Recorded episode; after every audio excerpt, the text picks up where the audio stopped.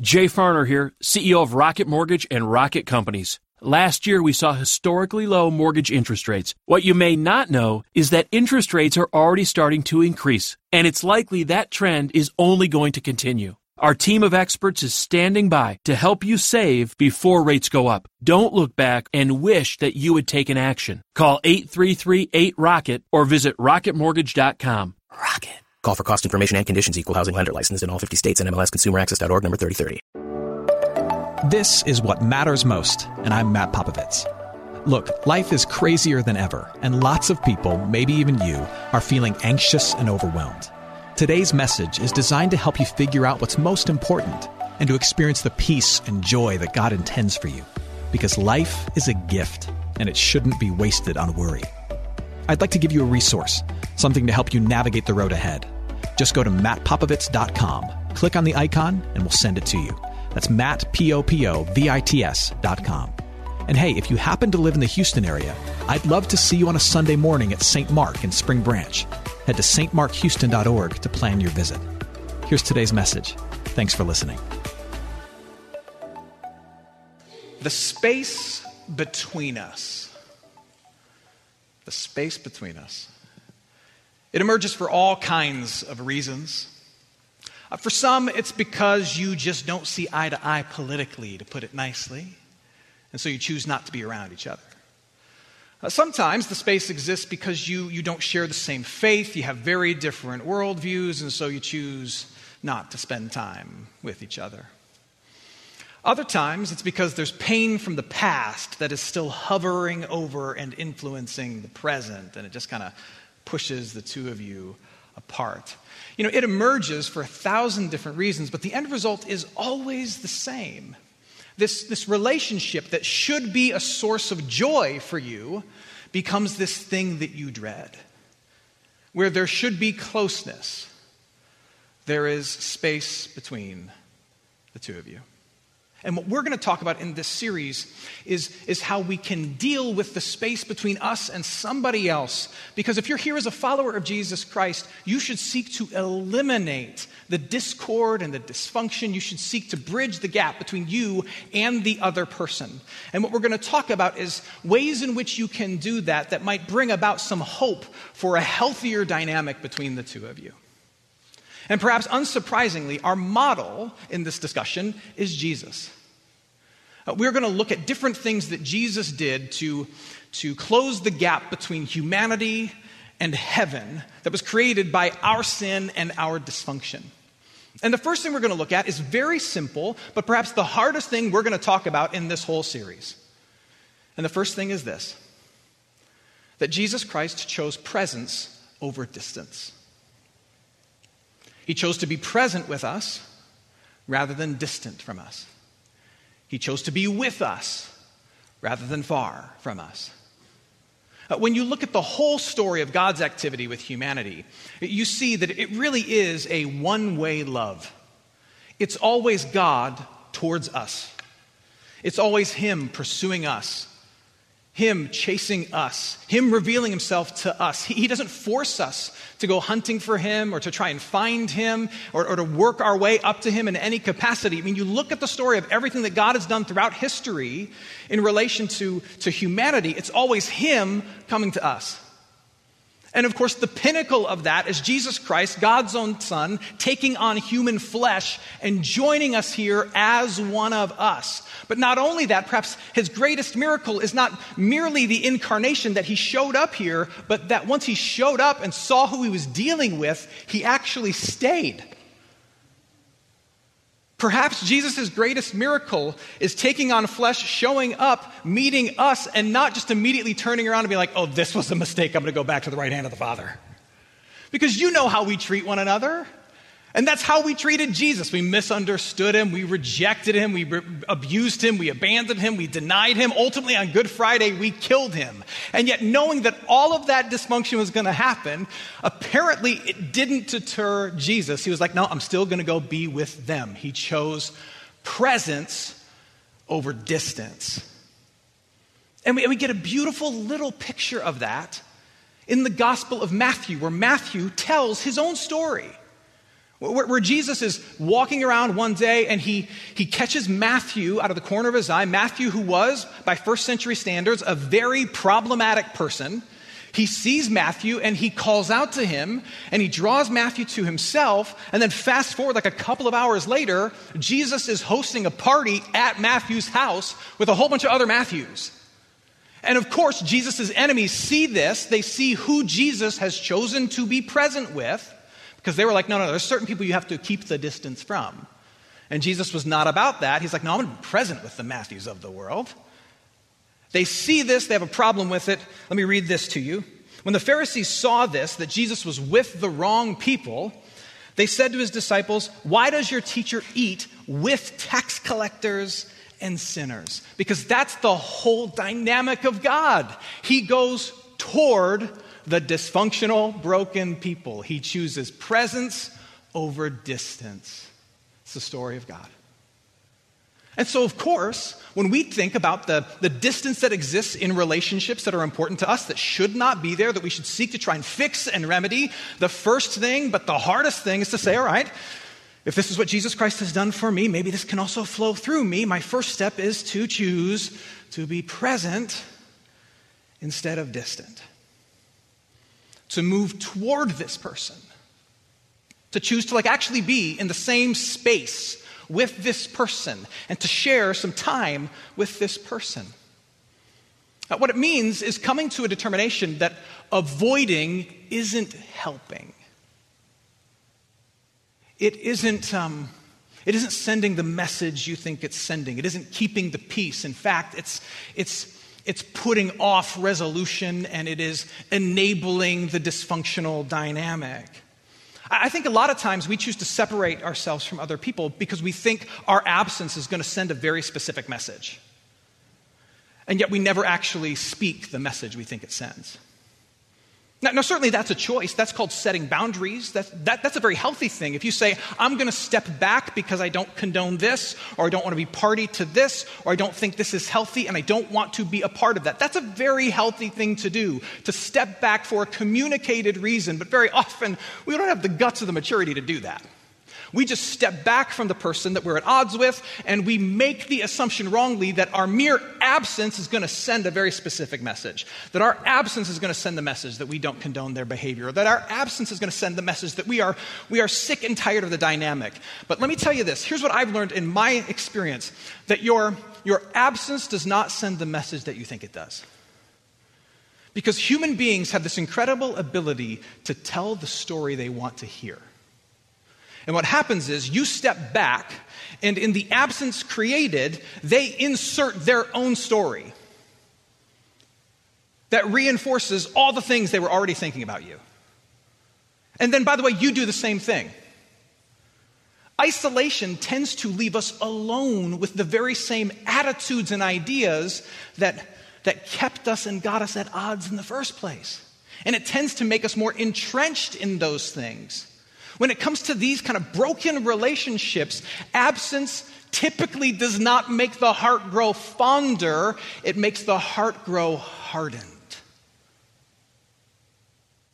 And so, what we're left with is either that heart continuing to harden or something better taking place. And the better thing shown to us by Jesus is to make the choice to be present rather than distant. Again, this is where Jesus is so instructive. What does Jesus do? Yes, when he shows up, he performs miracles, he raises the dead, he, he confronts the corrupt authorities, he, he, he, he offers teachings that, that mesmerize, but that was only part and a portion of the time. The vast majority of the time, what is Jesus doing? He's doing what he did with Matthew. He is encountering a broken world and he is showing it simple, everyday kindness. He is closing the gap and he's just filling whatever remains with grace. Simple, everyday grace. He's, he's, he's, he's showing the other person dignity and respect treating them like a human being. He walked around showing simple kindness, simple grace to all of the people that the rest of the world said, You are justified if you keep your distance. And yet he refused. He showed very simple grace to the people around him. You close the gap and you fill whatever remains with grace. And, that's the charge, that's the challenge in front of us as well. I'm not saying that you need to go sit with them and spend time with them and show up and say, Look, I was sorry, I was wrong, okay? Because maybe you weren't. I'm not saying that you have to show up and say, Look, I forgive you, finally, you're welcome. Because maybe you don't. Maybe you're not there yet. Forgiveness is a journey you walk, not a switch that you flip. And that's a whole different conversation. In, in the book of Romans, Paul is writing to a, to a dysfunctional church. He's writing to a, to a young, energetic church that, that had a whole lot of dysfunction in it and among its people. And so he spends a section of the letter talking about how to just be nice to one another. There was a whole lot of space between people where there shouldn't be space. And, and listen to what he says Romans chapter 12. He says, Look, bless those who persecute you, bless and do not curse them. Rejoice with those who rejoice, weep with those who weep, live in harmony with one another. The key to harmony, Paul says, is putting aside your desire to show up with a curse in hand and to give them what you think they deserve. Instead, you show up and you meet the other person where they are. Weep with those who weep, rejoice with those who rejoice. That's grace. Another way to think of grace is an attitude or an act where when you offer it to the other person, you send the signal that simply says, I am, I am for you.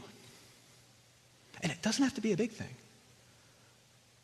Grace is an attitude or an act that says, I am for you, or I am for us. I am for this moment, not getting awful. That, that in and of itself is an act of profound grace. Jesus is an excellent model for us here. If you, if you share space and you share time with this person, I think you should set aside the expectation that they're going to come and confess all the terrible things they've ever done, or that they're going to somehow recognize all the ways in which they annoy you or, or, that you're going to be able to just get it all out on the table and talk about it. Not saying that shouldn't be a goal, but I'm saying that for the sake of just closing the gap, you should, you should lower the standard, lower the expectation a little bit. We're talking basic human Christ like grace. I think you should set the standard like this I'm going to go and have dinner with them, mm, have dinner with them, and we're going to keep our collective temperatures below 500 degrees. That's an act of grace. I'm going to go and I'm going to spend time with them, and I'm going to make sure, in some small way, as, in so much as it depends on me, that they leave this encounter knowing that I appreciate them. Or I'm going to make sure that when this encounter is over, insofar as it depends on me, because I can't control everything, that no matter what we're talking about, whether it's Baylor winning the national title or Biden being president, that they feel heard by me. That's what I'm talking about. You show up, you show grace that says, Look, I- am just for you, I'm for me, I'm for us. You close the gap and you fill it with basic kindness and grace. That's how we get started. Hey, friends, it's Matt. If you're listening to us in Houston and you're looking for an excellent education in a Christian setting for your student, I'm inviting you to take a tour of St. Mark Lutheran School in Spring Branch. We serve infants through eighth grade with an excellent faculty, brand new facilities, and a faith forward curriculum. To schedule your tour, head to gostmark.org. That's G O S T M A R K dot org to schedule your tour today. St. Mark Lutheran School. It's excellent education for your son, your daughter, your little one. Now, back to today's message. Now, again, I know that some of us are listening to this and, and you're thinking of the person who's on the other side of that chasm. You're thinking of your brother in law, you're thinking of your father, you're, you're, thinking of your coworker, and you're, you're thinking to yourself, Matt, um, I have zero grace left to give. Like zero. I am completely empty. If I were to even try this, I would show up and I would scream. I can't even fake it. Don't ask me to. You know, sometimes the dysfunction can go on for so long, or the annoyance can continue for so long, whatever it is, that you are, you are emptied of all grace and positive feelings towards that person. You, you have nothing. And if you're in that place when you think of this person, like, I, I have nothing good to give them, nothing good to give them, that doesn't make you a bad person. It just means you're empty. You can't give what you don't possess. But here's the thing if you don't possess it, it's time to request it. If you don't have the grace on the inside to pour through you to this other person, you need to request it from the outside so that it can fill you again. It's okay to be empty, it's not okay to stay that way, and then use it as justification for letting things continue to be broken and dysfunctional around you. If you are empty, my suggestion is that you reach out for grace and mercy and let it fill you. We receive, as people of faith, grace and mercy from two directions. We receive it from people and we receive it from our Father in heaven. I suggest that you reach out to your tribe, your community, whoever that is, the people who love you and understand you, who forgive problem after problem from you, who pour compassion on you. You gather them together, you let them show you grace. You, you talk about how dysfunctional and broken this relationship is, and you let them pour grace and mercy upon you and let that fill you up. You might be surprised how high that can fill you when other people are around you saying, We're for you, we love you, we get it, we're here for you, grace upon grace to you. But then also, I encourage you to fold your hands, bow your head, and go at it with God in regard to this person.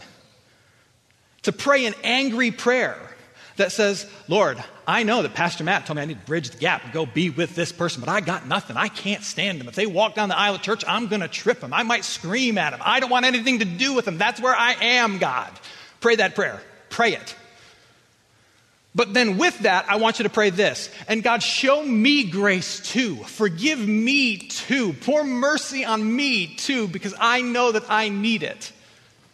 And then be confident that when you pray that prayer, God's response to you is always this to declare to you that because his son has chosen presence over distance, has chosen to live, to die, and to rise for you, God the Father forgives you for all the things you fail to do and are unwilling to do to bridge the space with others. And hold tight to that grace. Let it fill you up so that it might pour out. You can't, you can't give what you don't possess. It's okay to be empty for a moment, but it's not okay to stay that way. Be filled up. Uh, let, let, me give you a couple of, uh, a couple of really kind of bra- practical, basic tips for how to be present with this person when there's a space there. All right? Uh, three very simple things, right? Uh, the, first is that you need to name it, you need to own it, and you need to uh, grace it. Let me explain these. One of the reasons that there's space between you and this other person is because my guess is you're afraid that if you actually share space and you share time with this person, you're afraid that something bad's going to happen. Because typically something bad does happen. Anything from a, a full blown fight to you just walking away feeling crushed and judged and bothered. And you don't want that. But, but here's the first thing you need to do you need to recognize, you need to name the dysfunctional dynamic between the two of you. What tends to go wrong when it goes wrong? You see, there's this truth in relationships where unless you can name the dynamic, you can't tame the dynamic. You cannot tame what you can't name. So, first thing is, what is the thing that happens between the two of us? And then you can proactively, in your own heart and mind, seek to avoid it. Second thing is you have to own your part of this. The truth is that dysfunction happens in a system. Now, they might own 99% of the dysfunction, but that still makes you part owner. What do you own? What have you brought into, the, into this dynamic that has gotten it to where it is today? Do the work internally to say, look, here's my part. Bring that to this encounter. And then lastly, you've got to grace the whole thing. And that, that's what I talked about earlier. Decide in advance what the kindness, the grace that you're going to seek to accomplish is. And, and keep it doable, keep it winnable, keep it small, keep it basic. and commit to offering that, to embodying that, to giving that when you're with this person. Name the dynamics, you contain the dynamic. Own it. It's not just them, it's also you. And then be determined to enter in with grace as your only agenda. What will it look like? You know, Jesus has a vision for the end of all things. He, he has a vision for, for the end of, of history. Uh, it's, it's the moment when, when he has returned and the world is recreated and every human body is resurrected and, and glorified and we're all together and every dysfunction has been purged from the world. There's no more death. There's no more war. There's no more robocalls asking about car warranties. All the bad stuff is gone. And in almost every case where, where, Jesus paints the picture of the end, the picture is of a feast. Whether it's in Isaiah or it's in one of Jesus' parables where he describes a banquet, or it's in the book of Revelation at the, at the end of the Christian scriptures, the picture of the end of all things is a feast, it's a celebration. You know what, honestly, you know what it is? It's a table. It's, it's one giant table filled with, with food and wine and all the good stuff of life, but, but it's a table with, with God at the head of the table and all of us around the table. I'm at the table. You're at that same table. And the person on the other side of that space that exists right now, they're at the table too. You heard it a minute ago in Isaiah. Let, let me read it again. On this mountain, the Lord of hosts will make for all peoples, even them, a feast of rich food a feast of well aged wine, of rich food, full of marrow, of aged wine, well refined. Jesus' picture is of all of us at the same table together, elbow to elbow, enjoying the presence of God and of one another. Everybody, including that person. We're all together. Theologically, what we believe is that the death of Jesus Christ reconciled humanity to God. The relationship between all of humanity and God is now right this way because of the death of Jesus Christ. But it's only at the return of Jesus, when that table is set, so to speak, that humanity will be reconciled completely to one another, where we're sitting side by side with smiles on our face and drink in hand and our God in front of us. It's at that moment, in the very end, when we will not only be reconciled to Him, but we will be reconciled to each other. And when you read the scriptures, what you see is that God's heart is full of longing for that day when there is not just presence this way, but there is presence instead of distance among all of us this way.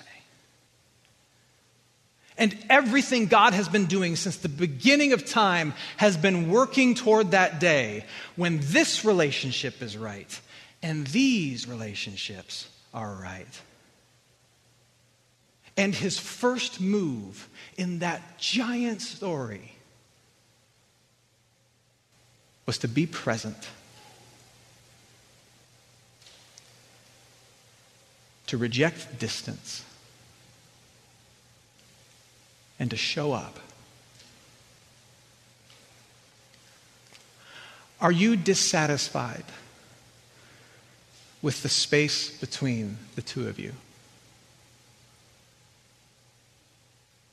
If you are, then I encourage you to take a cue from our Lord, who is not satisfied with the space between all of us and Him either.